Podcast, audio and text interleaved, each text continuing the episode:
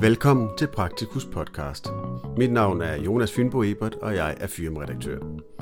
Denne podcast er en oplæsning af artiklen med titlen Firmklummen, speciale rangliste. Artiklen er skrevet af Christian Kvade Mikkelsen, HU Læge i Region Syddanmark. Artiklen kan læses i Praktikus nummer 260, der udkommer i juni 2022. Artiklens tekst starter her. Hvilken fortælling om almen medicin er det, man møder som ung læge, når man har sin dagligdag på sygehusene? Hvordan vægtes det brede mod ekspertise på snævre områder? Og har praktiserende læger et ansvar for, hvordan der bliver talt om specialet almen medicin? Lægers syn på almen medicin.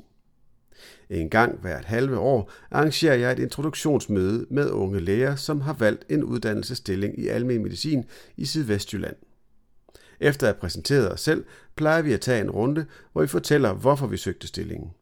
Der kommer altid mange gode overvejelser frem, og jeg tænker for det meste, ja, det kunne jeg også have sagt. Jeg er ofte i tvivl om, hvad jeg skal fremhæve, og jeg tror ikke, det er lykkedes mig at sige det samme to gange endnu. Det var et par dage siden efter et sådan opløftende møde, at jeg inde på sygehuset mødte en overlæge i medicinsk gastroenterologi, der sagde, Nå Christian, hvor er du henne nu? Ja, det er jo også okay at blive almen mediciner, når du nu ikke kunne blive gastroenterolog. Regioner, PLO, borgere i lægedækningstruede områder, alle ønsker vi fortsat at have dygtige praktiserende læger i hele landet. På trods af ønsket og en masse initiativer, står både praksiser og uddannelsesstillinger tomme hen. Jeg kunne godt lide arbejdstiderne, men det med at sidde og lytte til alle de små små problemer dag ud og dag ind, det kan jeg bare ikke gennem længere tid, sagde en børnelæge til mig forleden dag. Synes læger uden for almen praksis, at opgaverne i almen praksis er for trivielle, for ensartet, eller tror de, at almen medicin er andet valget, når man ikke kan blive sygehusspecialist? Hvor kommer de opfattelser fra? Den snigende glæde ved det brede. Vi deler rekrutteringsskabene med geriatri og psykiatri. Da jeg startede på hoveduddannelsen i almen medicin, var medicinsk gastroenterologi ganske rigtig nummer to på min liste over specialer. Efter nu samlet fem år på sygehusafdelinger, er der rykket gevaldigt rundt i min rangliste over, hvilke specialer jeg bedst kan lide. Jeg har desværre aldrig været på en regelret geriatrisk afdeling, men over årene har jeg haft daglig gang på fem intern medicinske afdelinger og stuegang på ortopædkirurgisk afdeling. Og glæden ved at bruge min brede viden og erfaring er vokset med tiden. Det er en glæde, som er kommet snigende. Langsomt. Ikke som når man har en patient, der er henvist med en specifik problemstilling, hvor man ved hjælp af opslag og konferering på kort tid kan opnå en mestringsfølelse. En umiddelbar tilfredsstillelse, hvor man inden for et snævert felt hurtigt bliver en, som ved mere end de andre. På sengeafdelingerne var der omvendt en masse bred geriatri og masser af behov for nogle, som brændte for det. Ligesom i praksis blev det brede vægtet højt. Det kunne svare sig at kunne samarbejde, uddelegere og kommunikere. Og ligesom i praksis kom anerkendelsen fra patienten, samarbejdspartnere og plejepersonale. Kunne jeg have lyst til at blive geriater? Ja. Ny nummer to. Så kom psykiatrien. Sikke et presset system. Men hvor var de professionelle, psykiaterne og personalet?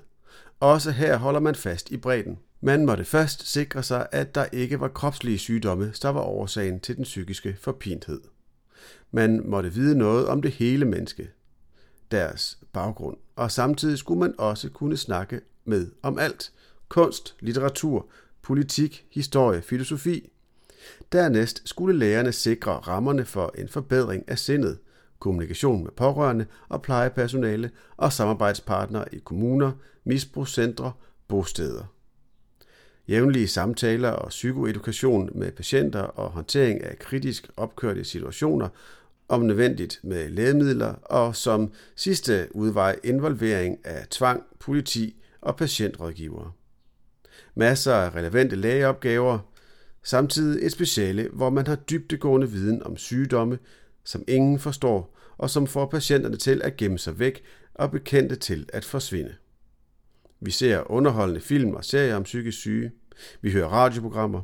Vi tale sætter det livsbekræftende ved, at vi alle er forskellige. Vi er alle afvigere og alligevel. Psykiatrien er nu 2022 er stadig historien om tabu, skyld, skam og mennesker, som i manges øjne er på bunden af vores samfund. Hvis man vil behandle de mest syge, så vælg psykiatrien. Og lad være med at tro, at patienterne ikke bliver bedre.